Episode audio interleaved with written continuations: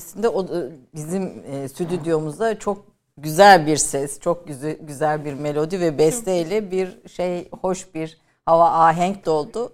Hoş geldiniz diyorum öncelikle size. Bu ahenkle birlikte Yaprak Furkan ikinize de hoş geldiniz Teşekkür diyorum. Ederim. Geçen hafta yoktunuz yoktunuzu hissettik. Böyle bir işte bu Biz sabah değil mi? Pazar sabahına bu güzel sesle başlamak Türk kahvesine ayrı bir e, ne diyeyim lezzet katıyor. Ne dinledik? Çok güzel evet. bir eser. Yeni çok da fazla duyduğumuz bir eser evet, değil galiba. Evet çok okunan bir eser değil bu da. Tabii okuyan icra eden e, büyüklerimiz de var ama e, Cinüçen Tanrı Korur'a ait bir besteydi. Güftesi de Şükufe Nihal'in de.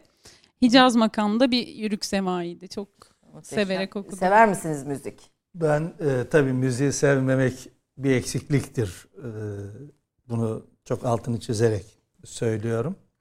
E, hep e, bu konuda da Ahmet Haşim'in Obelde isimli şiiri aklıma gelir ama ben bu eseri dinlerken böyle çok gençlik yıllarıma doğru gittim.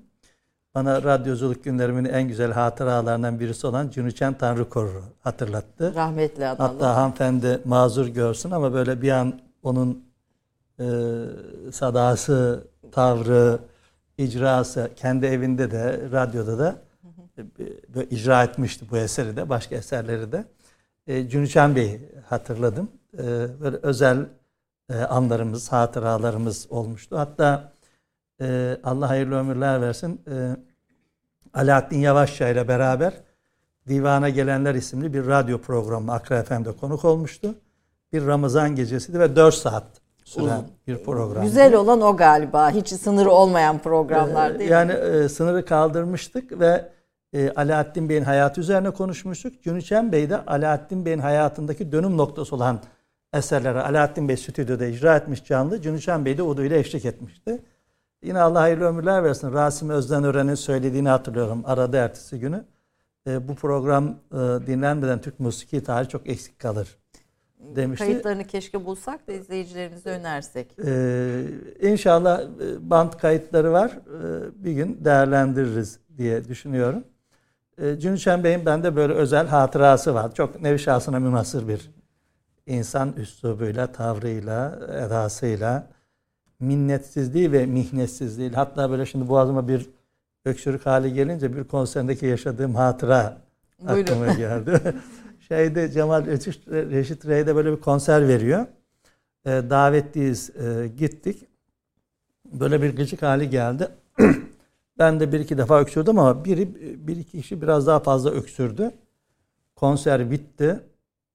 Şöyle kalktı. Dedi ki ben Fransa'da olmuş olsaydım bunu kesinlikle bırakır giderdim. Millet e, sizin öksürünüzü dinlemeye değil, benim ve arkadaşlarımın icrasını dinlemeye geldi seyirciye. geldiler. Bu çok büyük bir nezaketsizliktir diye. Daha sonra araştırdığımda o çok öksüren bir hanımefendiymiş. Ona da böyle şahsi bir kızgınlığı da varmış. Varmış yani o bir, biraz işe kişisellikte katı. Ama ben tabii çok hak verdim. Yani doğru o ahengi çok bozan bir kere de olsa bile en azından boğazınıza düğümlendiği zaman kalkıp gitmek galiba daha doğruydu daha ama doğru. O da bir izleme adabı.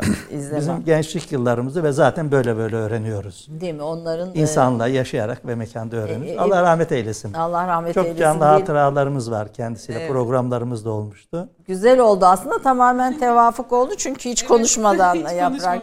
evet. Evet yani bu pazar günde mahzun ama zengin bir hatıra iklimi oluşturdu benim için. Oldu evet eserleriyle Tabii Cünüçen Bey'den yaşıyor. bahsetmişken İsmail Karabey de onun hatıralarını yayınladı sazı söz arasında diye.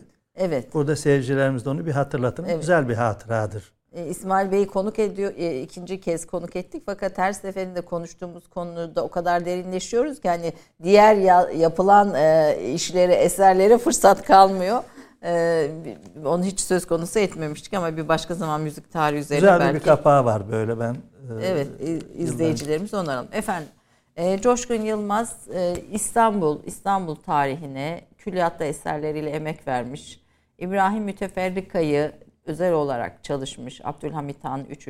Selim, Kadı Sicilleri birçok İstanbul birçok ne diyelim tarihi eserin e, ortaya çıkmasında, gün yüzüne çıkmasında emek vermiş önemli bir isim. Bir kültür insanı ve e, bu, bu masada konuk olan birçok e, konuğumuzun, tarihçimizin, edebiyatçımızın da yakın dostu aynı zamanda.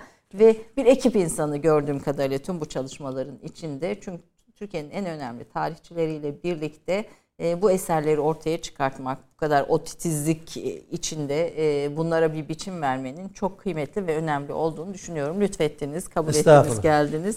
Ben ee, davet ettiğiniz için ben estağfurullah, teşekkür ederim. Bu, bu ayın bir özelliği var. İbrahim Müteferrika'nın e, vefatı, vefatı ve bundan dolayı da aslında e, anılmayı da hak ediyor, üzerinde konuşmayı da hak ediyor. Çünkü tarihin bir dönüm noktasında e, etkin olmuş, son derece etkin olmuş bir şahsiyet bir kişi. Biraz onu konuşacağız ama onun öncesinde ben biraz sizin yaptıklarınızı, sizin eserleriniz ortaya çıkmasına katkı sağladığınız eserleri biraz konuşmak istiyorum. Ee, bir tarihçi kimliğiyle uzmanlık alanınız 3. Selim Lale Devri ve o dönem 17-18. yüzyıl diyebilir miyiz? Ee, ya o ben Osmanlı tarihin bütünü ve e, hemen hemen her yönüyle ilgileniyorum. Hı. E, asıl akademik olarak uzmanlık alanım Osmanlı siyaset ve toplum ilişkili. düşüncesi. Müteferrika da bu noktada. E, e müteferrikayla da evet bir yönüyle de bu doktora tez çalışma münasebetiyle tanıştık. Tanıştık. Siyaset Peki. Aslında önce biz sizin özgeçmişinizi bir dinleyelim, izleyelim arkadaşlarımız hazırladıysa. Ondan sonra Büyük İstanbul Tarihi, Kadı Sicilleri, 3. Selim Müteferrika diyerek e, bu şahsiyetleri konuşmaya, bu başlıkları konuşmaya devam edelim.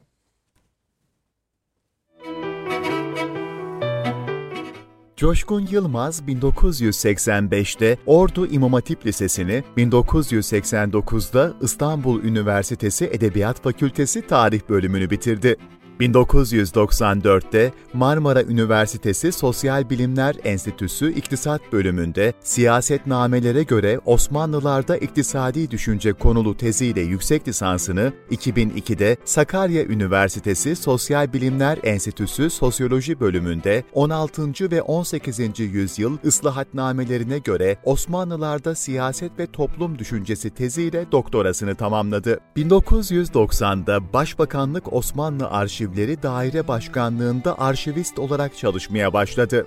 10 aylık mesaisinin ardından buradan ayrılarak eğitim, yayın, basın, iletişim, organizasyon ve halkla ilişkiler alanında faaliyet gösteren çeşitli kuruluşlarda öğretmenlik, yönetici, genel yayın yönetmenliği ve genel müdürlük yaptı çeşitli ulusal ve uluslararası kültür, sanat ve bilimsel projelerin koordinasyonunu ve yöneticiliğini üstlendi. 2012'de Marmara Üniversitesi'nde Atatürk Eğitim Fakültesi Tarih Öğretmenliği Anabilim Dalı'nda öğretim üyeliğine başladı. 2017'de Kültür ve Turizm Bakanlığı İstanbul İl Kültür ve Turizm Müdürlüğü görevine getirildi. 1994'te Akra FM'deki Kültürümüz Kimliğimiz programıyla Türkiye Yazarlar Birliği tarafından yılın en iyi radyo programcısı seçildi. 2013 yılında ise Diyanet İşleri Başkanlığı tarafından editörlüğünü üstlendiği 40 ciltlik İstanbul Kadı Sicilleri projesiyle 100 yılın kültür hizmeti ödülüne layık görüldü. Doktor Coşkun Yılmaz, 2019 yılında da İstanbul Kadı Sicilleri Külliyatı ile bu çalışmada emeği geçen tüm bilim insanları adına proje yöneticisi Profesör Doktor Mehmet Akif Aydın'la birlikte Necip Fazıl Fikir ve Araştırma Ödülünü aldı. Çeşitli radyo ve televizyonlarda çok sayıda kültür, sanat, eğitim, haber yorum programı hazırladı ve sundu. Dergi ve gazetelerde köşe yazısı, yorum ve araştırmaları yer aldı. 10 cilt olarak yayınlanan Antik Antik Çağ'dan 21. yüzyıla Büyük İstanbul tarihinin ve 40 cilt olarak yayınlanan İstanbul Kadı Sicillerinin editörlüğünü üstlendi. 3. Selim, iki asrın dönemecinde İstanbul, 2. Abdülhamit modernleşme sürecinde İstanbul, 2. Mahmut yeniden yapılanma sürecinde İstanbul kitaplarının editörlüğünü yaptı. Doktor Coşkun Yılmaz, Savaşın Sultanları, Osmanlı İstanbul'unda otomobil, Mimar Sinan Mesu, Evliya Çelebi Atlası kitaplarının da editörlük ve bölüm yazarlığını yaptı. Erhan Afyoncu'yla Panorama 1453 kitabını yazdı. Yayınlanmış eserleri arasında Düşten Fete İstanbul, Sultan II. Abdülhamit ve dönemi Fikret Sarıcaoğlu ile birlikte yazdığı Müteferrika Basmacı İbrahim Efendi ve Müteferrika matbaası, Necdet Yılmaz'la birlikte yazdığı İstanbullu Sahabeler ve Osmanlılarda Sağlık kitapları bulunmaktadır. Doktor Coşkun Yılmaz, evli ve iki çocuk babasıdır. Eser, bu kadar külliyat, bu kadar emek Bunların hepsi için doğrusu çok çok teşekkür ediyoruz. Fakat çalışmalarınızın birçoğu mikro tarih aslında. Yani ve e, o mikro tarihin içinde Ee, bize böyle çok farklı yerler de gösteriyorsunuz. Birçok bilinmeyen, yanlış bilinenleri de ortaya koyuyorsunuz ve yazmadığınız bir tarih sizin değildir diyorsunuz. Buradan girelim. Yazmadığınız bir tarih sizin değil derken kastınız nedir? Şimdi e, Ayşe Hanım e, öncelikle e, ben de izlerken memnun oldum doğrusu. Bu kadar derli toplu bir bilgi bende de yok. Teşekkür ederim. Hem sen arkadaşlar zahmetiniz için. E, tarih yazımının e, hakikaten çok önemli bir husus olduğunu ben biraz da çalışmalarım esnasında e, öğrendim. Dünya tarihine baktığımızda e, hakim bir tarih anlayışı ve e, yazgısı var. Tarihi vakalarla yazılanlara baktığınızda ise arada bir dengesizlik, bir adaletsizlik görüyoruz. Biz adaletsizlik, dengesizlik deyince daha çok işte ekonomik e, gelişmişlik, gelir düzeyi Seviye vesaire farklı. üzerinden okuyoruz ama aslında e, adalet şaşınca, adalet terazisi şaşınca bu hayatın her alanına kayıyor. Tarih yazımı sizin aslında e, hem kendi nezdinizde hem dünyada var olduğunuz konumu veya var olmak istediğiniz konumu, geçmişte yaptıklarınızı, zamanınıza söylemek istediklerinizi ama geleceğe dair de sözünüzü ortaya koyma imkanı sağlayan bir alan. E, bunu yazarken zihnen ve fikren müstakiliyetiniz yoksa, durduğunuz zemini, zamanı, mekanı, kaynakları, anlayışı inşa edememişseniz bu sefer bir nakilci durumuna düşüyorsunuz. Ve e, genelde üniversitelerimize de baktığımızda yani hani ana bilim dalları adına bile baktığımızda e, lisede okutulan tarih dönemlerimize de baktığımızda edilgen bir tarih anlayışına sahip olduğumuzu Biraz görüyoruz. Biraz tercüme diyebilir miyiz buna? Ee, Kısmen belki. E, ya zihniyet olarak tamamen evet. tercüme, ithal, evet. hatta esaret veya sömürge veya açılmama yani veya bağımlılık diyebiliriz. En azından müstakiliyetsizlik olarak görebiliriz. E, dolayısıyla tarih sizin nesilleri inşa ettiğiniz alanların en başında geliyor. Şimdi bizim çağ sistemini okuma yani ilk çağ, orta çağ, yeni çağ baktığınızda mesela bunu çok kafa yorduğum bir konu. Bambaşka bir düzlem üzerinden okuyorsunuz ve aslında bugün dünyada hakim olan tarih anlayışı Avrupa merkezli ve sömürgeleştirme aracı olan bir tarih anlayışıdır. Yani bu tarih anlayışında sadece Müslümanlar olarak veya Türkler olarak biz silinmiş değiliz. Mesela hakim tarih anlayışı Hindistan nerede durur? Evet. Afrika nerede durur? Çin nerede durur? Halbuki bu bölgelere baktığımızda kadim medeniyetlerin inşa edildiği yerler. Hatta daha ötesini söyleyeyim. Mezopotamya nerede durur? Ki medeniyetlerin inşa edildiği alandır. Ya da Göbekli Tepe, Urfa nerede durur? Dolayısıyla biz tarih yazarken bir önce bir sağlıklı anlayışı inşa etmemiz gerekiyor. Yani niye tarih yazacağız? Neden yazacağız? Sonra da yazmamız gerekiyor. Yazarken kendinizi konumlandırma imkanı buluyorsunuz. Bunu söylerken şunu kastetmiyorum. Yani tarihi bir araçsallaştırma olarak görmüyorum. İdeolojik bir çarpışmanın aracı olarak kullanılsın demiyorum. Diyorum ki bilimsel gerçeklerden hareketle, vakalardan hareketle yazılsın ve orada da biz kendi konumuzu alalım. Eğer bilimsel ahlaka sahip olan araştırmaları veya hakikaten sağlıklı bir yaklaşımı devre dışı bırakacak olursak yazılan tarihlerde sizin yok olduğunuzu görürsünüz. Mesela şunu soracağım ben. Avrupa tarihlerine ya da dünya tarihlerine bakalım. 16. 17. 18. yüzyıla bakalım. Dünya haritasını şöyle yayalım. Türklerin, Osmanlıların hakim olduğu coğrafyalara bakalım. Veya Emevilerin, Abbasilerin, Büyük Selçukluların hakim olduğu coğrafyaya bakalım. Hatta ondan önce eski Türklerin hakim olduğu coğrafyaya bakalım. Bir o hakimiyet alanına bakalım. Bir de eserlerde yer aldıkları bölümlere bakalım. Hangi konumla ele alındıklarına bakalım. Kaç ee, sayfa yer veriliyor? Kaç bakalım. sayfa yer veriliyor? Hangi başlıklar ele... Mesela dünya bilim tarihinde neredeyiz? Sanat tarihinde neredeyiz? Yani bu kadar mı sıfırız? Ee, dolayısıyla e, bizim merkezi bir konumda ki bu zorunludur. Her millet kendi durduğu noktadan bakar. Kendimizi merkez alarak demiyorum ama ne olduğumuzu bilerek e, tarih yazımını inşa etmemiz lazım. Bu İstanbul tarihini hazırlarken bu fikir doğrusu daha çok zihnimde Bu efendim yer antik çağda 10 e, 16. 21. 21. yüzyıla. yüzyıla pardon. Ee, 21. yüzyıla İstanbul tarihi, İstanbul'un şehir tarihi e, olarak yazılmış ilk aslında tarih çalışması diyelim. Derli toplu bir tarih çalışması. İlla ki bunun devamı gelecek. Ee, yaklaşık 300 yazar katkı Evet sunmuş. yaklaşık, Türkiye ve dünyadan. Dün Türkiye ve dünyadan 300 yazar katkı sunmuş. Ee, Bu 10 cilt olarak mı? Bu 10 cilt olarak planlandı. Ee, İngilizcesi de e, hazırlandı ama e, basılmadı. Fakat internet e, ortamında hem Türkçe hem İngilizce e, istifade yaptı. E, Bu 2012'de başladı diye benim önümdeki notlarda yer alıyor. İslam Türk e, Diyanet Vakfı İslam Araştırmaları Merkezi İSAM ile İstanbul Kültür ve Sanat Ürünleri İstanbul Büyükşehir Belediyesi arasında yürütülen bir e, proje. Burada ne hedeflediniz? Yani böyle bir şehir tarihinin bize nasıl bir katkısı var? Biraz önce söylediğiniz tarihi yeniden Burada biz konumlandırmak e, İstanbul'un ta şehrini bir özne olarak ele aldık. Öncelikli olarak bir şehir tarihi nasıl yazılır sorusuna bir cevap oluşturmak istedik. Dünya şehir tarihlerini inceleyerek İstanbul'u konumlandırmaya çalıştık. Bunun için de zaten bir bölüm vardır. Ee, Dünya ölçeğinde İstanbul diye. Ve antik çağdan başladık. Hani belli bir dönemi de değil.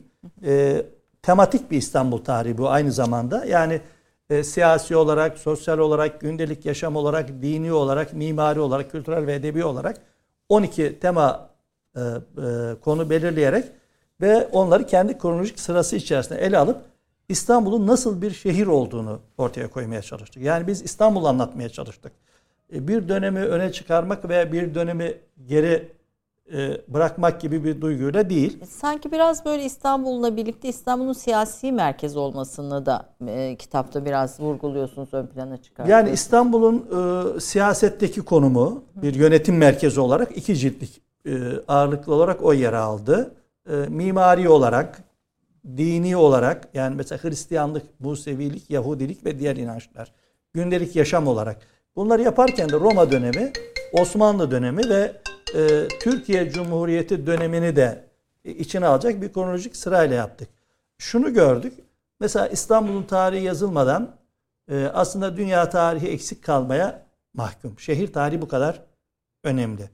İstanbul tarihi yazılmadan Roma tarihi eksik kalmaya Çünkü mahkum. 1600 yıllık bir başkentten Tabii, söz ediyorsunuz. e, zaten bu anlamda dünyada tek. Yani İstanbul e, tarihi derinliği, nüfuz alanının genişliği, renkliliği ve çeşitliliği itibariyle mukayese ettiğimizde dünyanın hiçbir şehrine sahip olmayan bir zenginliğe sahip. Yani özne bir şehir. E, etken bir şehir değil, edilgen bir şehir değil. İnşacı bir kimliği olmuş. Bu e, kitapları hazırlarken e, yaşadığınız zorluklar neler oluyor? Yani çünkü 300 yazarın, 300'e yakın yazarın 373 makale, e, 363 makale var e, bu Büyük İstanbul tarihinde. E, bütün bunların toplanması, içinde haritalar var, e, resimler var, her şey. 5000 civarında orijinal görüntülü malzeme var. Yani bir dokumenter belgesel gibi hazırlandı kitap aynı zamanda. Çünkü okuyucuya sadece bilgi aktarmak tarih zaman ve mekan boyutu olan bir e, ilim dalıdır. Bunu bir- birçok makalenizde, eserinizde, konuşmanızda çok altını çiziyorsunuz ve mekanı mutlaka belirtmek gerektiğini, mekan özelliklerini mutlaka belirtilmesi gerektiğini söylüyorsunuz. Bu da buraya yansımış. herhalde. Mekansız tarih adressiz ev gibidir. Evet. Yani e, bulunacak bir dönem değil. Bir de biz bugün itibariyle geçmişten çok kopmuş bir e, milletiz.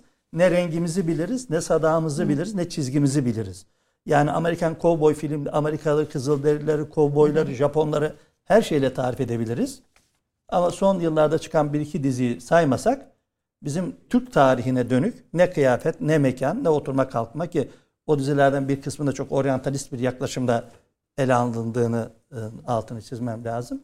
Bu münasebetle bizim tarihçiliğimizin eksik yönlerinden birisi de görselliğidir. Evet. E, burada vurguluyoruz. Sorunuzu ben atladım affedersiniz. Ee, Ha nasıl zorlukları? zorlukları Ya yani şimdi- çünkü bu kadar 5000'e yakın bir ta- dokümantasyondan söz ediyorsunuz. Gör, Bir görsel tane örnek anlatayım. Şimdi bu eserin e, proje yöneticisi Mehmet Akif Aydın. Benim için Mehmet Kıymetli hocam burada da bizim Ee, konuğumuz benim oldu. en önemli şanslarımdan birisi onun gibi bir e, hami hocaya, bir dosta, bir abiye mazhar olmaktır. Bu yönden ben şanslı bir insanım. Yani bu söylediğiniz çalışmalarda eğer ortaya konulan bir şey varsa bu benden ziyade bana, beni himaye eden, bana dostluk kapılarını, pencerelerini açan ve hayatım boyunca gerçekten çok kıymetli insanlarla tanıştım. çok kıymetli insanların huzurunda bulundum. Onların sağlamış olduğu bir imkan. Benden kaynaklanan bir durum olmaktan ziyade. Akif Aydın, Mehmet İpşirli, Feridun Emecen, Mehmet Genç, rahmetli Haluk Dursun, Yunus Uğur ve benzeri bir geniş yayın ekibimiz var. Bu tür çalışmaların başarısının hakikaten bildiğine inandığınız bir ekibi bir araya getirmek ve onlarla istişare ederek yapmak geliyor. Metod her şeyine varıncaya kadar yayın kurulumuza istişare ederek hazırladık. Ama bir tanesini anlatayım ben. Lütfen. Ee, bir de bir hatıramı anlatayım. Duygulanıyorum ona. Bir hoca mesela İstanbul'un şehir yönetimini yazacak. 10 tane isim sıraladık. İsmini söyleyip söylemekte tereddüt ediyorum. Söylemeyelim. Çok kızıyorum Peki, hakikaten. Peki söylemeyelim. Üzülüyorum. Meşhur bir hocayı söylediler ama bundan yazı almak zordur dediler. Dedim ki bu çok başıma gelmesine rağmen eğer zorluğa talip olamazsanız niteliği de yakalayamıyorsunuz. O hocamızı ben aradım. Dedim ki hocam bakın böyle böyle bir konu. Bunda en iyi yazabilecek olan sizsiniz. Ama böyle böyle de söylediler. Ben de sizi ilk defa arıyorum. Bir, bir konuda mutabık kalalım. Ben yazmanızı mutlaka istiyorum. Ama ben yazımı takip ederim. İşimi takip ederim. Siz huzur bulamazsınız diye böyle biraz şaka ile karışık bir konuşma yaptık. Tamam Coşkun Bey yazarım dedi. Burada Sabri Orman'ı rahmetle anacağım. Onun İslam İktisadi Düşünce Tarihin Kaynakları diye İlim Sanat Dergisi'nin yayın yönetmeni olduğum yıllarda bir makale istemiştim. Bir gün sokakta karşılaştık. Dedi ki bak 45 defa aradım. Ama dedi bırak da bari yolda rahat yürüyeyim diye. İlla ki bir şey ısrar olacak. O zaman da gencim tabii. Sonra hoca çok teşekkür etti. Meşhur eserini yazdı. Ve kaynağı benim o ısrarım olduğunu hep söyledi. Rahmet olsun diye zikrediyorum evet. bunu. Bu hocamızı da ben düzenli arıyorum. Kırkı buldu. Her defasında makale geldi, yazdı, bitti. Biliyorum bir arıza çıkacak ama bir yere gelecek. Telefonlarıma çıkmıyor hocam. Bir gün geldi telefonlarıma çıkmıyor ama ben tedbir olarak bu yazmazsa kim yazar diye de düşündüm. Telefonlarıma çıkmıyor. Tanıdıklarını biliyorum. Aradım hepsini dedim ki hocaya söyleyin ya telefonuma çıkacak ya da ben başka bir yöntem deneyeceğim dedim. Neyse bir gün aradım. Dedi ki Coşkun Bey minibüsteyim. Eve varınca sizi arayayım. Yine aramıyor hoca. Ben aramaya devam ettim. En sonunda demesin de Coşkun Bey ben daha makaleye başlamadım. Diye. Eyvah eyvah eyvah.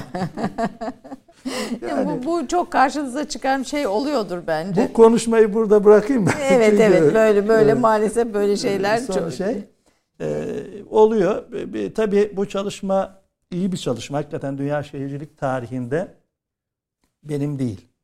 Ehlimin, bir ekibin büyük bir ekip var e, burada. Büyük bir ekip. Bir defa yazar kadrosu itibariyle dünyanın en zengin yazar kadrosuna sahip şehir tarihi. Hacim itibariyle Londra'nın vesaire şehir tarihleri vardı ki bunlar İstanbul'la mukayese edilmez.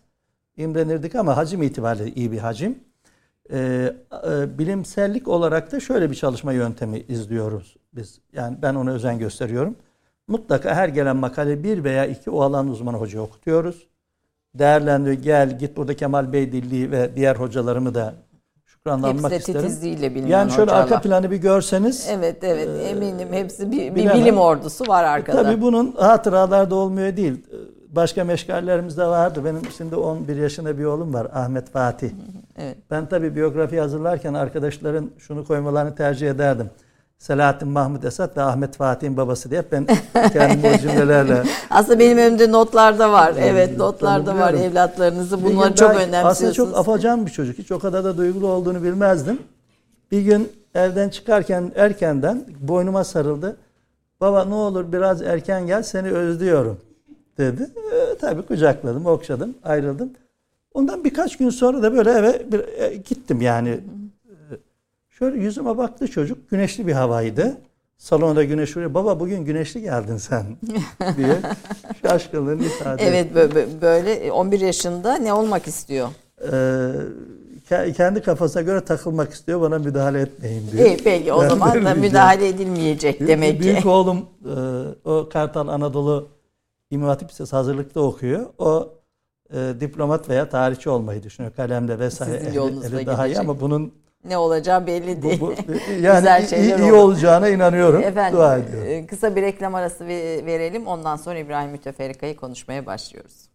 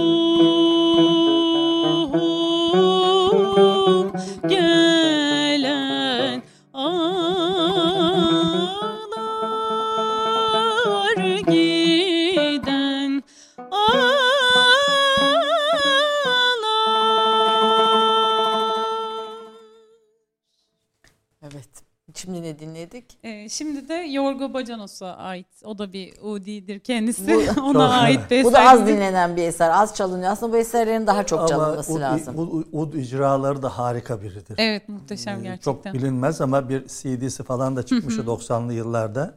Benim çok dinlediğim bir e, evet. Udi'ydi. Bugün sanki böyle hakikaten böyle bir nostalji. Genç, gençlik hatıralarımı böyle güzel. Güzel bir e, tevafuk e, oldu hocam. hatta geçen gün e, dinleyeyim diye ismini hatırlamak için epey uğraşmıştım. Aradan uzun bir süre geçti Şimdi sizi hatırlatmış kalıcı. evet, Dinlediğimiz oldum. eserin ismi neydi? Dinlediğimiz eser e, Mahur makamda bir şarkıydı. Hala kanayan kalbimi aşk ateşi dağlar. Peki bu da güzel sözler. Şimdi böyle güzel sözler çıkmıyor ne yazık ki.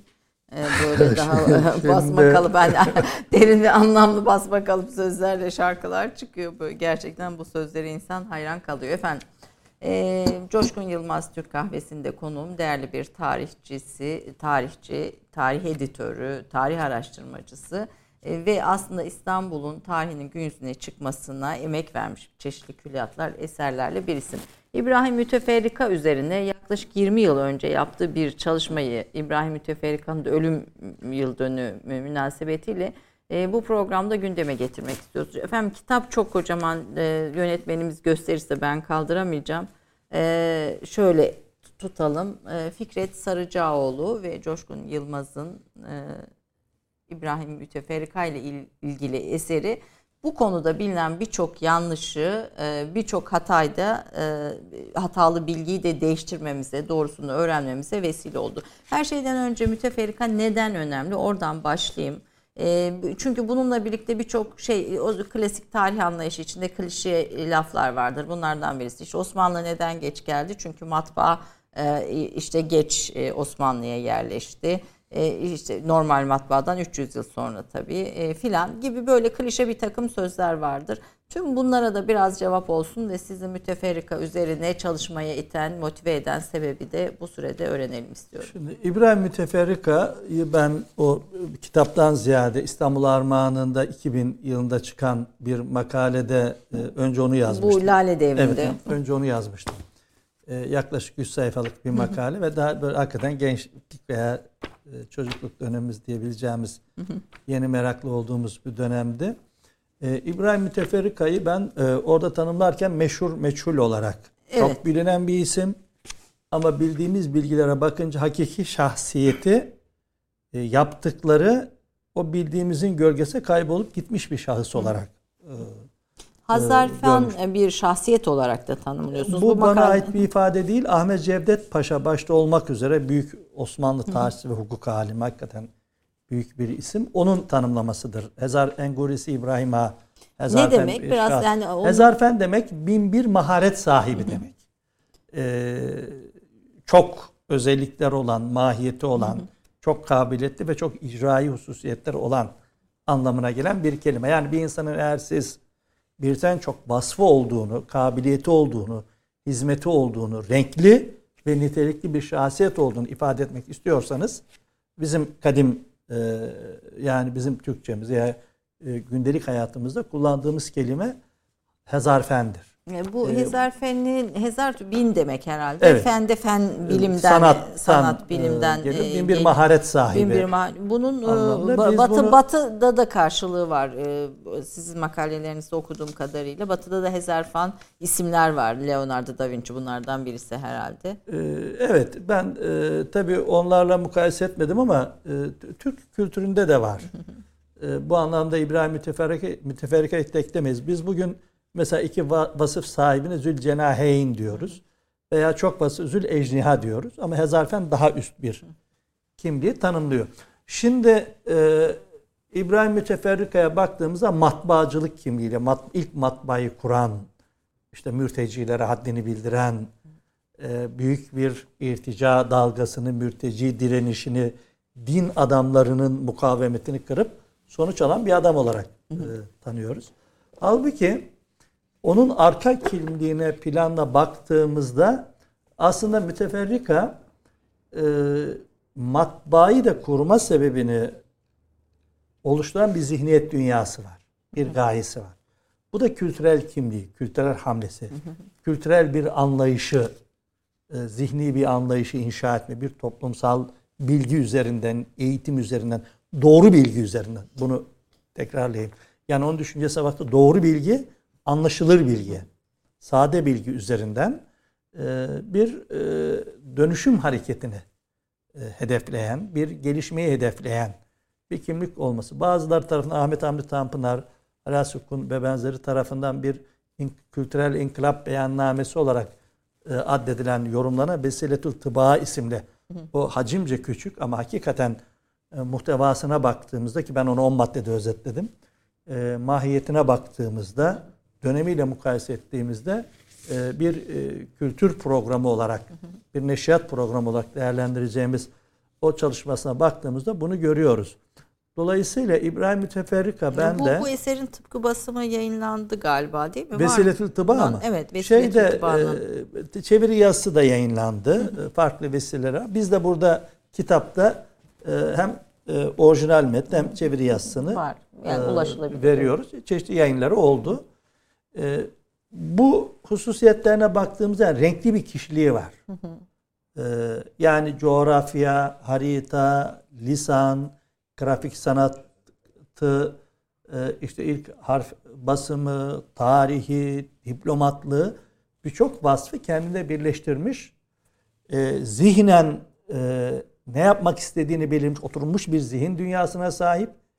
Bu bilgi ve zihniyet dünyasını nasıl hayata geçirebileceğine dair bir planlaması, bir programı, bir üslup, bir siyaset, bir yöntem belirlemiş ve bunun peşinde ömrünün sonuna kadar koşan bir insan olduğunu. Yani bir siyaset felsefesi de var bu, bu Yani, arada ve e, etkilemiş o siyaset felsefesi okuduğum kadarıyla sizin kaynaklarınızdan. Ee, tabii e, Usulül Hikem fi Nizamül Ümem e, isimli e, ben doktora tezim zaten bu eserler üzerine olduğu için e, onu biraz daha iyi konumlandırma imkanına sahibim.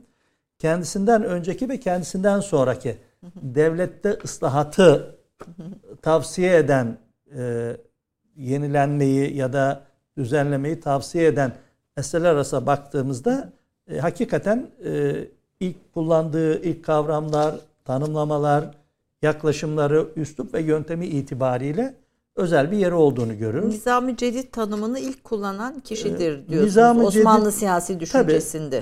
Osmanlı dönemlerini siyaset düşüncesi veya teşkilat üzerinden tanımlarken Kanunu Kadim'de Nizami Cedid'e diye e, tanımlamak mümkünse ki Nizami Cedid daha çok 3. Selim dönemi kavramıdır ve kurduğu ordudan ve yapmış olduğu inkılaplardan geçer.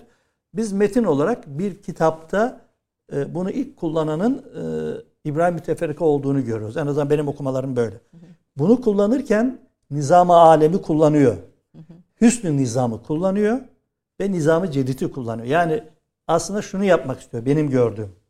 Geçmiş, bugün ve gelecek arasında nizam kavramı üzerinden hem bir geçmişe saygıyı hem zamanını muhasebeyi hem de geleceği inşa etmeyi bir denge ve bütünlük içerisinden tavsiye eden bir isim. Bu anlamda aslında iyi bir nizamcı diyebilir. Nizam düzen demek. Tabi nizam alemin felsefi anlamı var. Bunlara girersek çok Ayrı uzar. bir şey. Yani Bugünkü yeni- kullandığımız yeni- anlamın ötesinde. Evet yeni bir düzen vermek noktasında ve ondan sonra Köprülüzade Fazıl Mustafa Paşa'nın sedareti esnasında ilk e, yenileşme bu yeni düzen uygulamaları da başlıyor. 3. Selim'le de tabii sivil ve askeri bütün Burada Nevşehirli kurumların damat İbrahim Paşa'yı da e, anmamız lazım. Üçüncü Ahmet'i. E, hakikaten e, o dönemde e, Nevşehirli damat İbrahim Paşa'nın başlatmış olduğu bir e, tercüme hareket de var. İbrahim Müteferrika da ona belli ölçüde desteklerini hatta padişahın emriyle eser çevirileri yapan bir isim.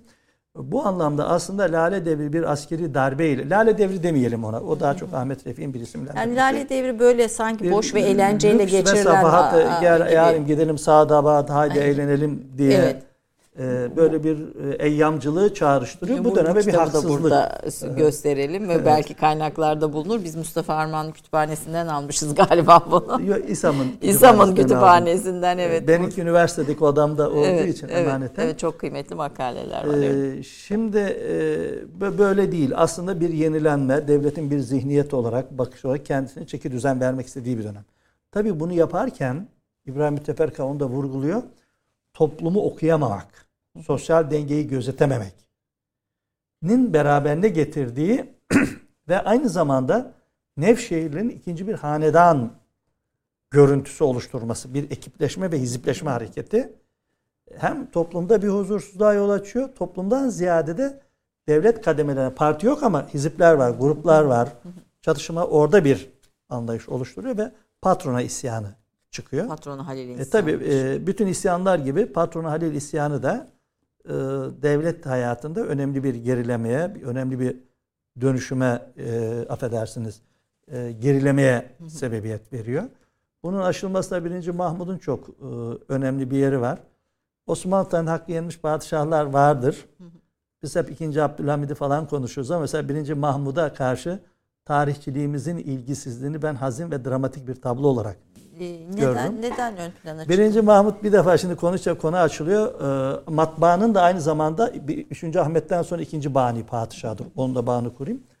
Ee, birinci Mahmut hakikaten kültür tarihimiz açısından Biz hep kültürel iktidarı konuşuyoruz, Evet, konuşuyoruz ama kültürel iktidar nedir ve nasıl inşa edilir sorusunu tarihe dönüp bakmıyoruz. Mesela 2. Murad'ı incelemeden, 1. Mahmud'u incelemeden, Müteferrike'yi incelemeden, başka böyle bir iki isim daha var.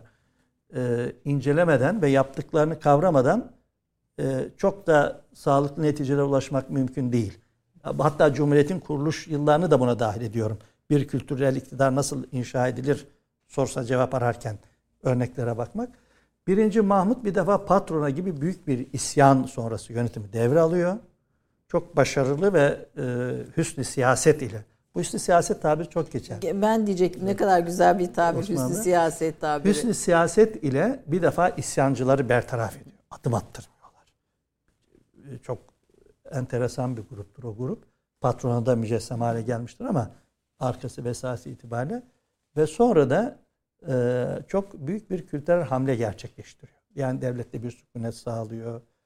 Sessiz sakin bir yapılanmaya gidiyor ama kültür tarihi açısından Osmanlı tarihinde çok zirve isimlerden birisidir. Mesela Ayasofya'yı bile bugün e, ele alırken biz hep e, 1. Mahmud'u göz ardı ederiz. Mesela o caminin içinde muhteşem sağ tarafta bir kütüphane vardır. Hem koleksiyonu itibariyle çok zengindir. Hem e, sanatı itibariyle muhteşemdir. Onun eseridir. O şadırvan onun eseridir. Evet birinci Ahmet. o Sıbyan Mektebi onun eseridir. Onun hemen arkasındaki Düşününce geliyor aklımıza. Muvakkitane onun eseridir. İşte Atıp Efendi vesaire yazma e, affedersiniz pek çok e, döneminde büyük kütüphaneler, önemli kütüphaneler inşa edilmiş. Mesela Fatih Camii'nin hemen bitişine Hazire'ye giderken bir eklenti yapı vardır. O birinci Mahmut Kütüphanesi'dir. Onun eseridir. Yani aslında bu anlamda e, kültürel bir hamle dönemidir. Birinci Şimdi- Mahmut dönemi. Ayasofya'yı da külliye vasfını tamamlayan padişahtır. E, birinci Mahmut. Onun üzerine yazılmış bir kitap ben hatırlamıyorum. Ben mi bilmiyorum var mı? Yok. Yani bir çalışma bir kitap. Yok işte de, onun için diyorum ya tarihçiliğimizin hüzünlü ve dramatik sahnelerinden birisidir. Yani tarihçinin görevi hakkı hakkına teslim, Teslim etmektir. et. Şimdi İbrahim Müteferrika'yı da o- okurken mesela kitap okuru da yok. Yani yani İbrahim Müteferrika'da toplam kaç eser basıyor onun hayatı İbrahim dönemi? Müteferrika 500 17 kitap, Kitap, e, 23 cilt, toplam e, 500 civar gibi bir şey bir bi- rakam okudum. 1200 1500 eserler 13200 civarında bir eser basılıyor. 12500 diye de çıkıyor. E, Yani 13000 civarında bir eser basıyor. Yani bir kitap okuru da Bunu yok. Bir kitap, kitap okuru da oku- oluşturuluyor demek Ee, dönem kitap için. okuru yok demeyi doğrusu e, bunu tartışmaya açık bir konu olarak görüyorum. Kitap okuru yok demekten ziyade e, matbaa ile ilgili eserlere duyulan ilginin e, sebepleri ve sonuçları.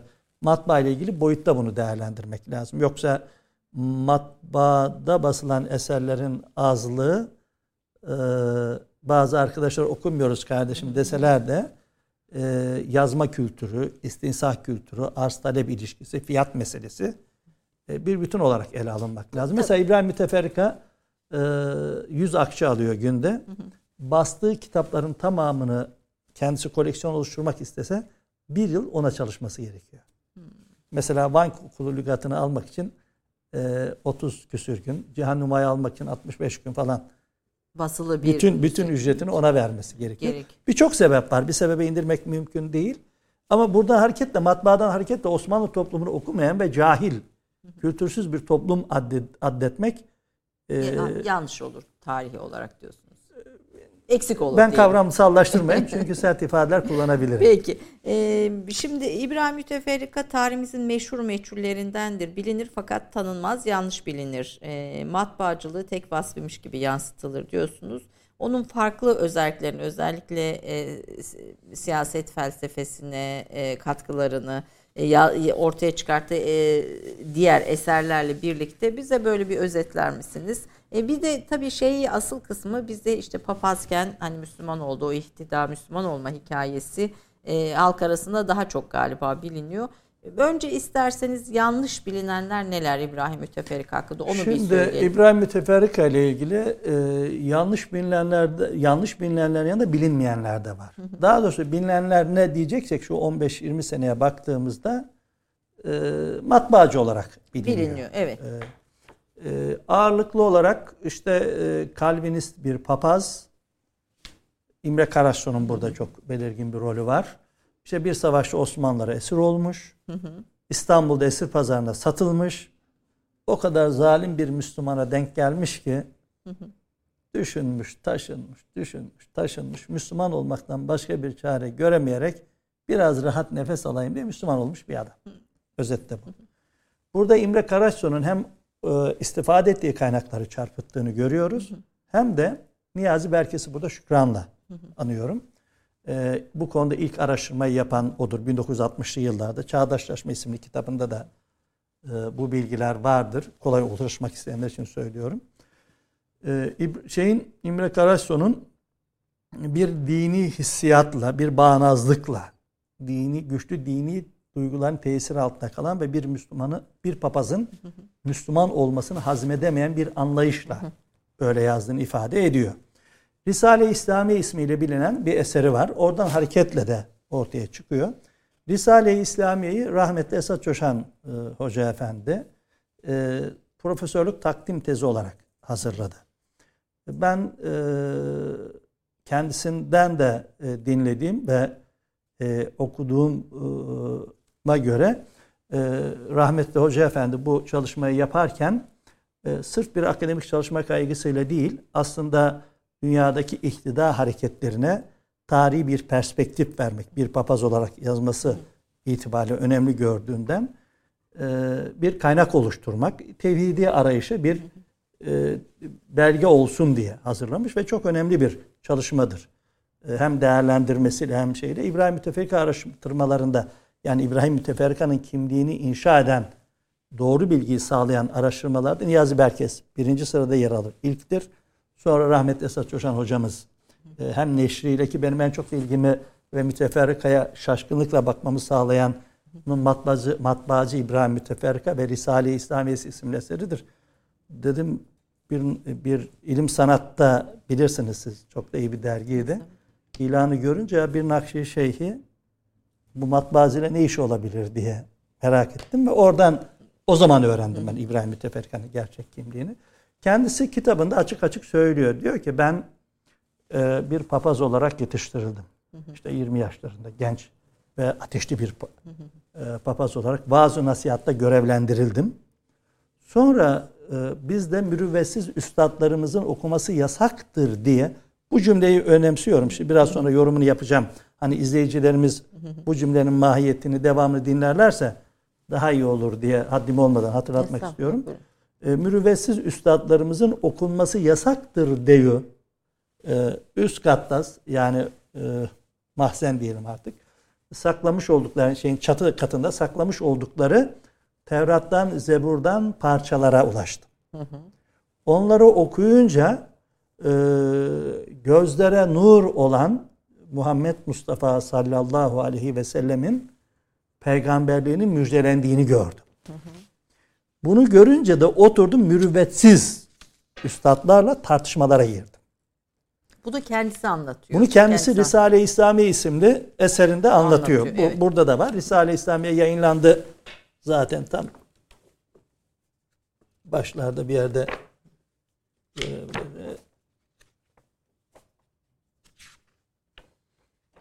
Evet şu eserinde e, anlatıyor. Bu ifadelerde hemen şu şu bölümdeki ifadeler burada evet. geçiyor. Bu sayfada bunları anlatıyor kendi ifade. Yani biz anlıyoruz ki öyle İmre Karasu'nun sözünü ettiği gibi zorla Müslüman olma falan bilerek, görerek ve şahit olarak araştırıyor. Bizim onun Müslüman oluşu ile ilgili Fikret Sarıcıoğlu hocamız da buradan yine şükranla anayım. Ee, Cihan Nüma'nın e, haritalarını çizen Katip Şeref'in istifade ettiği İhlasi Mehmet Efendi var. E, onunla ilgili verdiği bilgiler de dikkatimizi çekti. İhlasi Mehmet Efendi Fransa'da çok parlak bir papaz ve gayesi İslam'ın açıklarını yakalayıp Müslümanlara yönelik reddiyeler oluşturmak. Bu maksatla İstanbul'a geliyor e, Türkçe, Arapça vesaire öğreniyor. Tefsir kitaplarını okumaya başlıyor. Ve Hud suresindeki ey yer suyu tut, ey gök sen de tut ayeti kerimesine gelince ondan çok etkileniyor ve Müslüman oluyor. Bunu İbrahim Müteferrika veriyor Cihan Nüma'da eklerini anlatırken. Diğer kaynaklarda bulunmuyor. Buradan da hareketle aslında Müslüman e, oluşunda kendi hür iradesinin belirleyici bir rol olduğunu görüyoruz. Uniteryan, e, Calvinist de değil. Bu, gerçi bugünlerde bir araştırmacı işte Risale-i İslami yayınlayanlar da anlamamışlar vesaire dese de biz e, bu kitapta da yayınladık. E, onun kat, e, Calvinist olduğunu gösteren hiçbir belge yok. Sadece e, o arkadaş Risale-i İslami'yi yazarken bir Calvinist'in İncil'inden tercüme ettiği kaynaklardan istifade ettiğini söylüyor. Zaten İbrahim Müteferrika burada Hristiyanlıkla İslam'ı karşılaştırıyor ve kendinin neden Müslüman olduğunu anlatıyor. Onun için Niyazi Berkes de rahmetli Esat Çoşan Hoca Efendi her iki hocamız da Risale-i İslamiye değil de e, Tevhid Risalesini teklif ediyor Niyazi Berkes. Bunu rahmetli bir... Esat Çoşan hocamız da İslam'a geliş sebebini anlatan Risale olarak e, tanımlıyor. E, Uniteryan e, kendi hür iradesiyle Müslüman olmuş, Osmanlı hizmetine girmiş bir insan. E, Katolik e, bir rahip değildir diyorsunuz. Bazı... Ha, değil. Katolik değil, Calvinist, Uniteryan ama burada ben ilgilendiren iki boyutu var. Hür iradesiyle Müslüman oluyor. Bir de dinler tarihi açısından önemli bir ifade, kendi ifadesi. Biz hep kaynaklardan şunu biliyoruz. İncil'de, Tevrat'ta ve diğer kitaplarda, mukaddes kitaplarda Peygamber Efendimizin e, sallallahu aleyhi ve sellem peygamberliğinin müjdelendiği ismuhu Ahmet diye zikredildiği hadislerde ve diğer kaynaklarda anlatılıyor. Bu da bizim kaynaklarımızda zaten İbrahim bir... Müteferrika bunu diyor ki ben o bilginin yer aldığı orijinal e, Zaten iki, eski metinlere ulaştı. Kendi doğduğu yerde Erdal'de e, Romanya Macaristan sınırları dahilinde kalan bir bölge. iki ilahiyat koleji varmış ve ilahiyat eğitimi tamamladığını Tabii papaz zaten.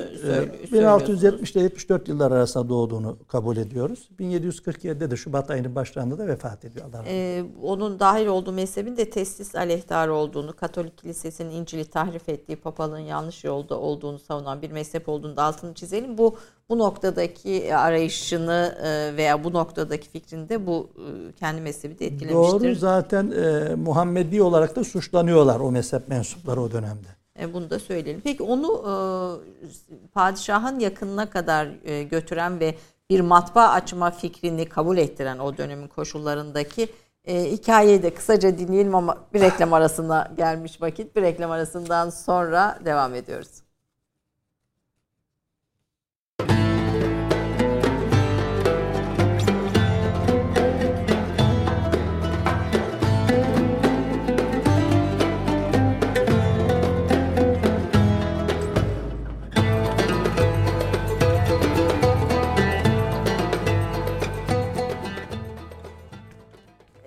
Türk kahvesinde Yaprak Sayar ve Furkan Resiloğlu ile birlikte çok değerli bir tarihçi, araştırmacı Coşkun Yılmaz'la birlikteyiz.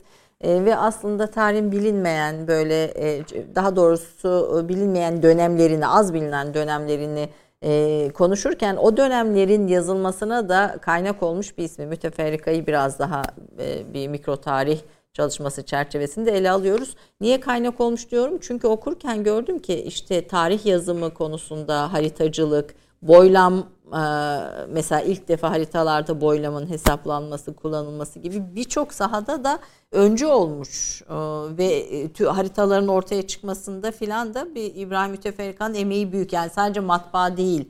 E, işin içinde bir sürü şey var. E, coğrafyasından işte tasarımla grafikerliğe, e, lise, dil meselesinde mesela Türkçe ilk galiba Fransızlara Türkçe lügat öğretmek basıyor, için evet. lügat basıyor. Hani bunlar da çok öncü çalışmalar dönemi itibariyle baktığımda. Müslümanlara çok ilgi gösteriyor. Mesela Osmanlı sınırları dışında kalan Müslümanlara ilgisi var. Onun hiç üzerinde durulmuyor. Hı hı. Ee, Usulü Kem isimli eser o açıdan hakikaten çok önemli. Şimdi tabii matbaacı deyince bugün ben ne anlıyorum diye düşündüm. Bir matbaa sahibini anlıyorum. Evet. Ya da bir ustanın gelip bir matbaa binasını inşa edişi olarak algılıyoruz matbaayı kurması hakikaten büyük bir olay. Onu kabul ediyorum. Kendisi Vesiletül Tıba isimli eserinde e, kendisinden önce de matbaa kuruluşunda denemeler olduğunu ama yeterli teknik malzeme ve insan yetersizliğinden kurulamadığını ifade ediyor. Mesela 4. Mehmet döneminde ve bu konuda Kemal Bey Dilli bu da zikretmem lazım. Matbaa tarihini en iyi bilen. Kemal Bey'i davet ediyoruz ama. O gelmez. O, Gelmiyor. Konuşmak. Gelirse tabii çok mutlu oluruz buradan. Aslında çok keyifli bir program çıkıyor. Çok Eminim. mizahı olan şey olan. Hoca hem hakikaten buradan kendisine saygıyla anıyorum ama benim programıma da gelmiyor. Bilmiyorum belki bana gelir diyorum. Ben İnşallah, burada ben- şimdi bir rekabet çıktı. Kemal hocama bu rekabeti iletelim. Ee, hay hay arada söylerim zaten. Yeni kitabı da çıktı. Burada Erhan Afyoncu ve Orlun Sebebi de yine müteferrika araştırmalarının dönüm noktası oluşturan önemli isimler olarak zikretmezsem meslek olarak haksızlık Evet. etmiş olurum. Bir şey daha söyleyeyim. İkinci Mahmut'la ilgili konuştuk ama e, Hatice Aynur Hanım'ın e, editörlüğünü yaptığı Birinci e, Mahmut'la. birinci, birinci Mahmut'la ilgili bir kitap çalışması da yeni çıktı. Şimdi e, Yılmaz Bey diye bir arkadaşım Deniz'den hatırlattı. Ben görmüştüm ama unuttum. Yani Tamam, kaynamasın bundan. diye Evet, evet buyurun. söylüyorum. yanlış bilgi olmasın. Ee, Buyurun. İnşallah. Şimdi matbaanın fikrini oluşturuyor. Tekniğini oluşturuyor. Hami arıyor. Burada 28 e, Çelebizade Said Efendi e, ona yardımcı oluyor. Ortak ilk kurucular ferman belgeler zaten. Yani bir para da lazım yani. Tabii para da lazım. E, devlet katında hami de lazım. E bir de usta 3 Polonya'dan 3 usta getiriliyor O mesela kağıt, kağıt, fabrikası, fabrikası için, için. getiriyor. Zaten onun bir fikri var. Ee, Ayşe Hanım konudan konuya atlıyoruz. Osmanlı Devleti'nin gelişimi için diyor Batı'da çok kıymetli isimler var. Kıymetleri bilinmiyor. Beyin ithalini tavsiye ediyor o yıllarda. Rus e, inkılabını örnek gösteriyor. Belki vakit kalırsa Evet, onları evet. Konuşuruz. Ee, bir defa e, kamuoyunu çok iyi okuyan, bir işi nasıl anlatacağını bilen, ikna üslubu yüksek bir adam. Mesela Vesiletül Tibai yazıyor, sadrazama vesaire sunuyor. Mesela Van kulu lügatı ile ilgili niye basması gerektiğini anlatırken tekrar ediyor. Yani et tekraru ahsen ve levkâne 180 sözünün hakikaten çok iyi uygulayıcısı. Vazgeçmek yok, bıkmak yok. Kişiliği açısından bunu söylüyorum. E bu arada yani Fransızlara Türkçe öğretmek üzere sözlük hazırlamak hani o yılların içinde ilginç bir şey. Fakat niye Fransızlara kısmına takıldım o ayrı bir bahis ama yani bir okurken zihnimde niye niye mesela İngilizlere değil de E, Fransızlara Fransız kültürü, daha doğrusu bu sorunun cevabını da ben, kısmı- çok fazla e, biliyor Yok değilim. yani benim E, sadece bunu- yani öyle aklıma takıldı. Buyurun devam edin. Böyle söyleyeyim ama e, dönemde etkinliği daha yaygın Fransa'nın e, Osmanlı ile olan ilişkileri vesaire bunun etkisi olabilir. Matbaayı e, kuruyor ama matbaayı 1727'de kabul ediyoruz biz. İlk izni orada çıkıyor. İlk eser 1729'da basılıyor Bankulu Lügatı. Ama ondan önce daha 1719'da Marmara Denizi haritasını basıyor. Osmanlı ülkeler haritasını basıyor. Yani uygulamalı olarak gösteriyor. Şöyle bir adam değil. Ee, ey ahali bu kalem pardon ey ahali kalem çok güzeldir demiyor. Diyor ki bak bu kalemdir ve bu şu şu işe yarar diyor. Yani fikriyle uygulama arasında ki dengeyi yani tespit, teklif ve uygulama becerisi olan bir isim. Bunun altını çizeyim. Bu mesela Cihan Numa'dan parçalar. Cihan Numa meşhur Katip Çelebi'nin onun gelişmişliğini göstermesine önemli bir isimdir. Ee, Katip Çelebi'nin e, e, en önemli eseridir ve Osmanlı coğrafya tarihinin başyapıtlardan birisidir. Ama biz bugün İbrahim Müteberkan'ın bastığı Cihan Numa'yı kullanıyoruz. Çünkü e, ona çok ciddi anlamda yaklaşık dörtte birlik oranda, yüzde yirmi beşlik oranda katkıda bulunuyor. Haritalar çiziyor, açıklamalar getiriyor. Sırf ona Cihan Numa'ya katkıları bile bugün e, nitelikli bir üniversiteden çok rahat doktora payesi almasını sağlayacak kadar önemlidir. o kadar da derinleşmiş kendi Tabii, sahasında çok, yani, bilgisi. Tabii. Yani Ve- e, haritacılığımızın, coğrafya tarihimizin, astronomi tarihimizin 18. yüzyılda temel taşlarından birisi. Yani çünkü bu şeylere baktığımda mesela güneş, ay konumlamalar vesaire gökyüzü e, şeyleri Bunların haritaları- bunların bir kısmı tabii Katip Çelebi çiziyor. Bunu yeniden çizdiriyor, basıyor. Hepsi ona ait değil ama onun da önemli katkısı var. Yani Cihan Nüma'yı adeta ikmal eden bir isim olarak. E, Bu konuda en önemli isim Fikret Sarıcıoğlu'dur. Cihan Nüma'yı da neşretti. E, Türkiye'de Cihan Nüma'nın en önemli uzmanlardan birisidir. Onun bir ifadesi var son derece önemli. E, hakikaten Cihan Nüma'yı yayınlarken şöyle yazmak lazım. Cihan Katip Çelebi altına da ilavelerle neş İbrahim Müteferrik. Bu müteferrikeyi kullanmadan Cihan Katip Çelebi demek haksızlık olur. Evet. Anlamına geliyor. Oradaki katkılarını görmek lazım. Şimdi müteferrika ismini biraz aslında anlatalım. Müteferrika yani ne, ne demek o dönemin içinde? Nasıl bir görevi var müteferrika olanın nasıl bir Bu görevi ve Fatih- işlevi var? e, Fatih devrine itibaren gelen e, aslında bir tür padişahın özel yakını olan, özel hizmetinde bulunan, güvenilen, itimat edilen bir isim demektir. Müteferrika da yani müteferrika namıyla bir sürü müteferrika var ama müteferrika olarak meşhur olan tek İbrahim Müteferrika var. Aslında tercüman olarak anla- anlatılıyor, basmacı olarak anlatılıyor. Ama müteferrik onun meşhur vasıflarından birisi. Şey e, müteferrik farklı farklı başka başka demek. Tabii daha özel, anlamda özel. farklı Padişah için çeşitli işler farklı Tabii özel farklı yani padişahın göre. mahiyetinde özel nitelikli özel görevli elçi olarak kullanır, bilgi kaynağı olarak kullanır, mahrem olarak kullanır. Yani e, padişahın yakını evet. e, anlamda bir görevli. Fatih devreden beri var. Mesela zeki bir adam çünkü ya veya çok takdir edilen bir adam. Şunu görüyoruz. Padişahlar tarafından da, sadrazamlar tarafından da, ulema tarafından da takdir edilen bir isim. Yani Ahmet, belli ki çok iyi bir iletişime sahip. Ahmet Cevdet Paşa onun göreve getirilişinde matematik fenlerini çok iyi bilen Engurisi İbrahim Ağa denilen Macarlı İbrahim Efendi Hezarfen, zeki ve üstün değerde bir zat. E, Vefakar birisi. Mesela e, ikinci Rakoçsi Frenz'in tercümanlığını yapıyor Osmanlılara sığınan. E, o vefat ederken diyor ki benim vefakar tercümanım İbrahim Efendi sultanın e, himmetine ve himayesine emanet ediyorum. Karşı tarafta da saygı uyandırıyor. Tabii. E, mesela elçilik heyetlerine katılıyor. İşte kale teslimlerine katılıyor. Avusturya ile görüşmelere katılıyor. Fransızlarla e, e, diplomatik e, üst, yani elçi diplomatlığı var.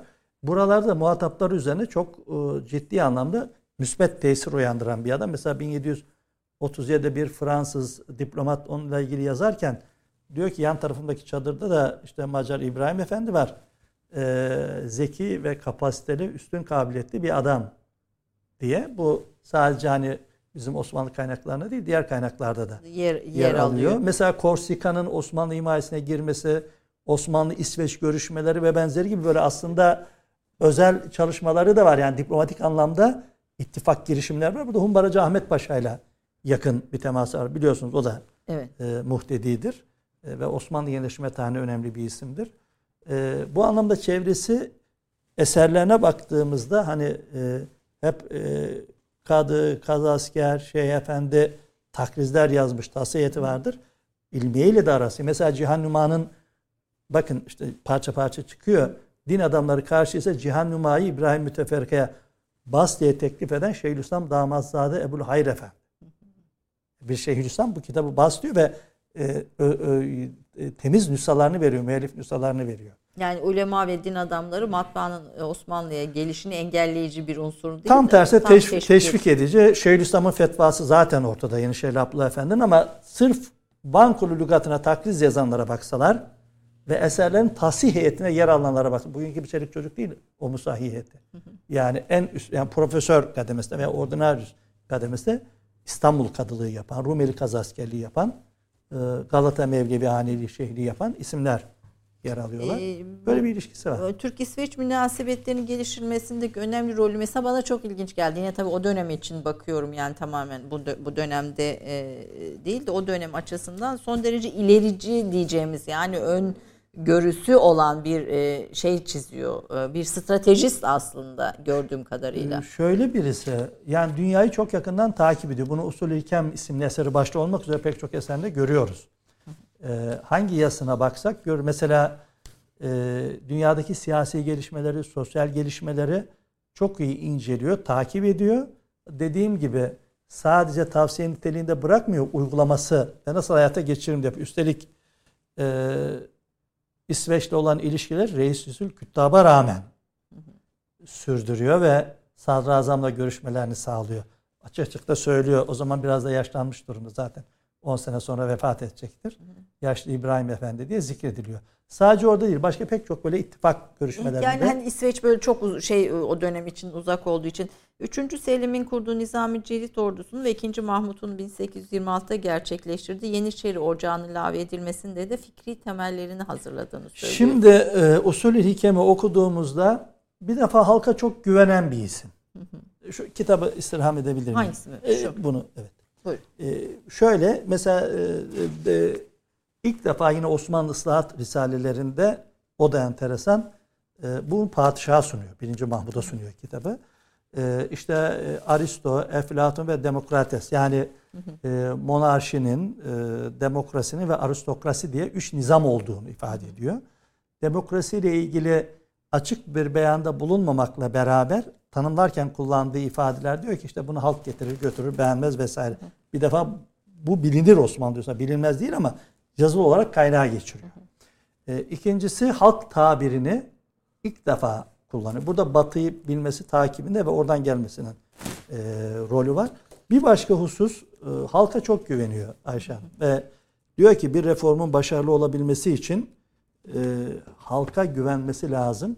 Yani tepeden inme bir reformu değil, tabandan tabana e, ilerleyen bir yaklaşımı savunuyor ve Osmanlı toplumunun bu konuda çok kabiliyetli olduğunu ifade ediyor. Diyor ki eğer bu halka siz derdinizi düzgün anlatırsanız malı, mülkü, bağı, bahçesi neyi var neyi yoksa hem maddi hem manevi sizin yanınızda yer alır diyor. Osmanlı bugün nüfusa atıfta bulunuyor. Osmanlı bugün diyor çok e, zayıf perişan gözüküyor ama 100 bin kişilik bir orduyu çıkarması işten bile değil. Bizim o zaman ordu yapımız farklı.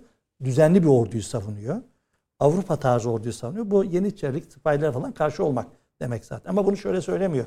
Bunlar kaldırılsın demiyor. Yani başka bir gerçeği çatışmacı başka... bir üslubu değil teklifleriyle gündeme geliyor. Bir şeyi e, ya şöyle bir notunuz var çok da dikkat bugün için bile son derece değerli bir tavsiye olarak gördüm. Eski yeni kavgası yerine meseleyi ihtiyaç ve meşruiyet noktasında ele almıştır diyorsunuz. Değişim adına cemiyet devlet hayatında sarsıntıya karşı olduğu gibi değişmemenin de düşmanıdır. Yani tam sizin söylediğiniz dengenin e, siyasetini yapan bir kitlesi var. E, bir şey. Yani evet yaparken yıkmayalım diyor ama e, mutlaka da yapalım diyor. diyor. Peki e, süremiz biraz giderek azalıyor. İbrahim Müteferrika ile ilgili e, bizim zihnimizde Türk kahvesi izleyicilerinde zihninde kalması gereken e, şey ne olmalı? Ben ondan önce bir cümle söyleyeyim. E, yine daha önceki metinlerde göremediğimiz bir husus var. e, Vesiletül Tüba'yı ben seyircilerimizin aracı okumasını istiyorum. Bir kültür programı, neşriyat programı olarak. Başka bir şey daha söylüyor. O çok dikkatimi çekti. Bir devlet yöneticisi diyor tarihi çok iyi bilmeli, coğrafyayı çok iyi bilmeli. Hı hı. Bu ikisini bilmeyen iyi bir yönetici olamaz diyor. Ve mesela diyor ki bugün Osmanlı sınırları dışında bir siyasi metin olarak hı hı. benim gördüğüm e, ilk risaledir. Yani devleti yönetimiyle ilgili yazılan ıslahatname diyorum ben onlara. E, eserlerse ilk defa temasta bulunuyor. Osmanlı sınırları dışında kalan pek çok Müslüman var mağdurdur ve mazlumdur ve bir himaye eline muhtaçtır. Osmanlı Devleti onları himayetle etmekle mükelleftir. Bunun yollardan birisi iletişim, doğru bilgi, coğrafya ve tarih bilgisinden gelir diyerek de aslında e, daha sonraki yıllarda daha güçlü uygulanan, kullanılan bir Müslümanlarla iletişimi ve işbirliğini de savunan e, bir yapısı var. İbrahim Müteferrika ile ilgili ben e, son cümleyi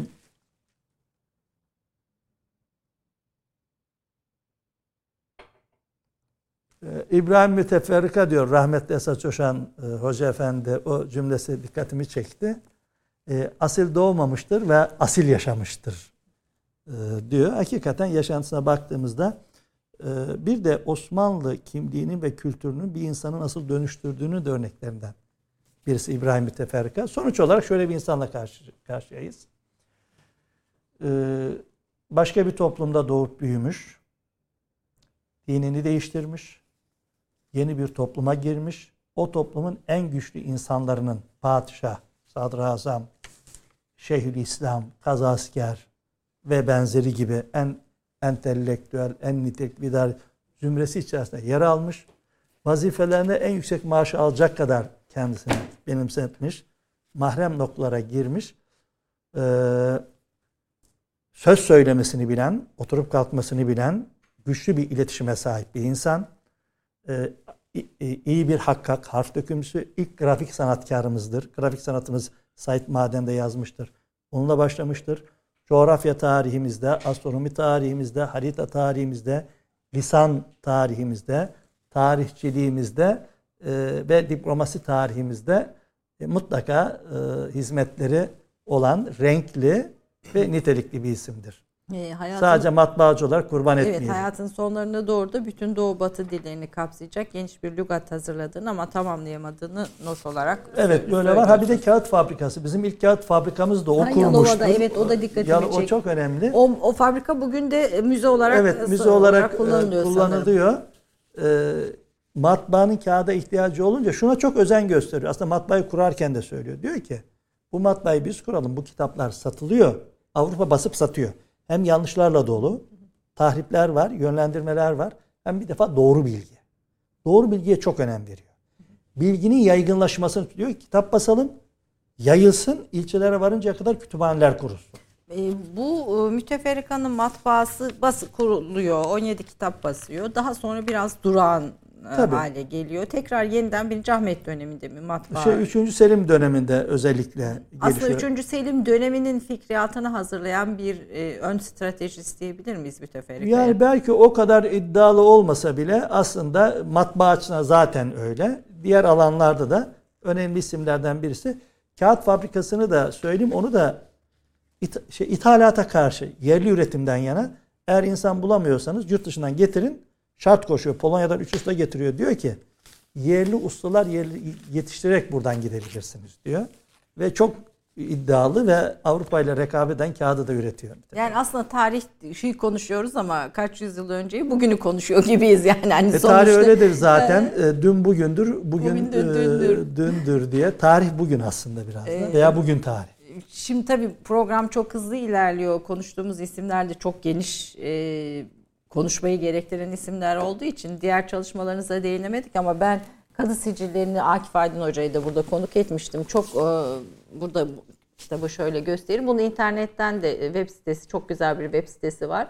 E, çok da eğlenceli. Eğlenceli derken yani geçmiş dönemlerde ben tabii aile hukukuyla ilgilendiğim için bütün o e, konulara baktım. İfadeler, sebepler filan itibariyle meraklısına duyururum efendim. Burada Bu ne 100 kadar cilt, 100 cilt 100 kadı cilt, e, 10 seneye aşkın 12-13 senelik bir çalışmanın ürünü. Yaklaşık 100 kişilik bir eser. Akif Aydın, Ferdun Emecen, İdris Bostan, İsmail Erünsal, Erhan Afyoncu, Bilgin Aydın, Mustafa Oğuz ve özellikle Mehmet İpçirli burada zikredeceğim. Yine geniş bir ekip var. Sadece şunu söyleyeceğim. Bizim tarihçiliğimiz kuru bir tarihçiliktir. Siyasi ve devlet merkezli bir tarihçiliktir. İnsan hikayesi, sokak hikayesi, mahalle hikayesi yoktur. Bunun bir kısmında e, vakayı nüvis tarihi anlayışımızın rolü vardır. Bir kısmında da bizim bugün tarih yazma anlayışındaki problemimiz vardır. Yani merkezi tarih yazma konusunda problemliyiz bu konuda. Kadı sicilleri ise insanı merak eden, insan hikayelerini merak eden, evdeki tencereyi, tabağı, yorganı, yatağı Ben merak de eden onlarla ilgilendim. Mesela işte bu dediğim gibi aile hukuku kısmı özellikle çok ilgimi çekti ama eminim başka konularda toplumsal tarih açısından en önemli önemli bir, bir ve yaşanmış kaynak. 16. yüzyıl ağırlıklı değil mi? Biz e, şöyle en son 100 yılda tamamlarken e, 15. yüzyıldan başladık 20. yüzyıla kadar getirdik. Gel, geldiniz ve İstanbul'a dair 10.400 veya 11 bin civarında defter var. Tüm Osmanlı ülkesi ait 22 bin defter var. Ve biz bunu 100 yıldını yayınlayabildik. Bir teklifim daha var. Yapsınlar diye hep söylüyorum. Birisi çıkar yaparsa Osmanlı coğrafyasının merkez şehirlerine ait kadı sicillerde yayınlanırsa bu İstanbul'a ait coğrafi bir bütünlükte ortaya konulmuş olur koymuş diye olur ve müthiş bir hukuk var. O dönemin adalet anlayışına ilgili belge çıkmış olur. Efendim 3. Selim ayrıca konuşulmayı hak ediyor. 3. Selim'e çok da önem veriyorsunuz ve 3. Selim'i anlatırken kullandığınız cümleler bunun da aslında yeterince Osmanlı tarihi içinde kıymetinin bilinmediğini E, Mazlum bir padişah. Evet. Aslında bugünkü cumhuriyetin de modernleşmenin de sonuçta başlangıcı olan e, bir şey, bir, bir isim söylüyorsunuz. E, Bir şey daha var onu da söyle- söyleyeyim. Mesela e, bizde ihtilallerde yabancı parmağının dost bildiğimiz ülkelerin bile nasıl etkili olduğunu önemli bir örneğidir. Mesela Fransızlara dostuzdur ama 3. Selim ihtilalinde onların önemli bir parmağı oldu hep konuşulur. Evet, öldürülmesinde 3. Selim'in e, ölümüyle neticelenen ölümüne o kabakçı isyanında. isyanda e, 31 Mart'ta da İngilizlerin parmağı var. Problem parmakta değil de bu parmakları görmeyen ve müdahale etmeyen bizde aslında. Ben bunu kimseyi suçlamak için söyle. Onun onun o parmağını uzatması görevi. Ve ben ne yapıyorum onu merak ediyorum. Fakat ben yani. üçüncü ben o parmağı niye kırmıyorum? İşte problem o. Üçüncü Selim'i tabii tarih kitapları gerçekten ders kitapları kuru anlatıyor. Üçüncü Selim okurken çok severek okudum. Yani böyle bir Ha, çok teşekkür gözü. ederim. Yani Böyle 10 ta- sene önce yayınlanmış bir Evet çalışma. e, şey yapıyorum e, tavsiye de ediyorum. E, tarihi şahsiyetleri tanırken aslında bugünle hep böyle bir paralel bağlantılar kurunca daha da e, güzel oluyor. Çok da gü- güzel bir çalışma olmuş. Çok teşekkür Efendim ederim. programımızın sonuna geldik. Tabii bütün bu çalışmalara bir program sığmaz. Bir Türk kahvesi programı sığmaz. E, sadece bir son cümle olarak yönetmenim orada geç kaldık e, yayın e, kapatalım. Ben son cümle olarak müteferrikadan bir cümleyle e, bitireyim onu, mi? Onu bitirin ama onun öncesinde eşinizle ilgili bir cümleyle bitirin efendim. Her zaman programda. Şöyle ben... Yani e, şu an yüz, yüz ifadesini gördünüz değil mi? hayır hayır ben... E... Ya eşinizin hayatınızdaki yerini e, bir cümleyle bize ifade edin. Müteferrikada ben galiba bu... e, müteferrikada sizin hayran olduğunuz şeylerden. Evin içindeki karakterlerden birisi. Şimdi Öyle görünüyor. Büyük oğlum, büyük oğlum çok da zarif bir delikanlıdır. E, geçen gün konuşuyorduk, sohbet ediyorduk. Böyle yüzüme baktı dedik hani eşimin hayatını sordunuz ya. Baba dedi kusura bakma. Biz senin imkanlarınla büyüdük. Allah razı olsun ama sensiz ve annemle büyüdük. ee, şunu söyleyeceğim ben. Ee, genelde bizim akademik çevrede bir problem var. Evlilik akademik çalışmalara manidir diye ve pek çok hoca gençlerin evlenmesine engel teşkil ediyor. Ben bunun çok tersini savunuyorum ve kendim örnek gösteriyorum. Ben evlenmeden önce doktora tezine başlamıştım. Sonra defteri kapattım, gidiyordum, evlendik. Çalışma masama ve bilgisayarıma varıncaya kadar eşim aldı ve Coşkun Bey bu doktora tezini bitireceksiniz dedi ve onun ısrarıyla bitirdim. Onun için hep diyorum ki e, yani bu şu sözü doğru bulmuyorum. Her, güç, her başarılı erkeğin arkasında ben başarılı değilim de arkasında bir hanım bağıdır değil. Hayat ortaktır ve müşterektir. Ve hanımlar veya biz birbirimizin payandası değil, hayatın paylaşanlarıyız. Hayır.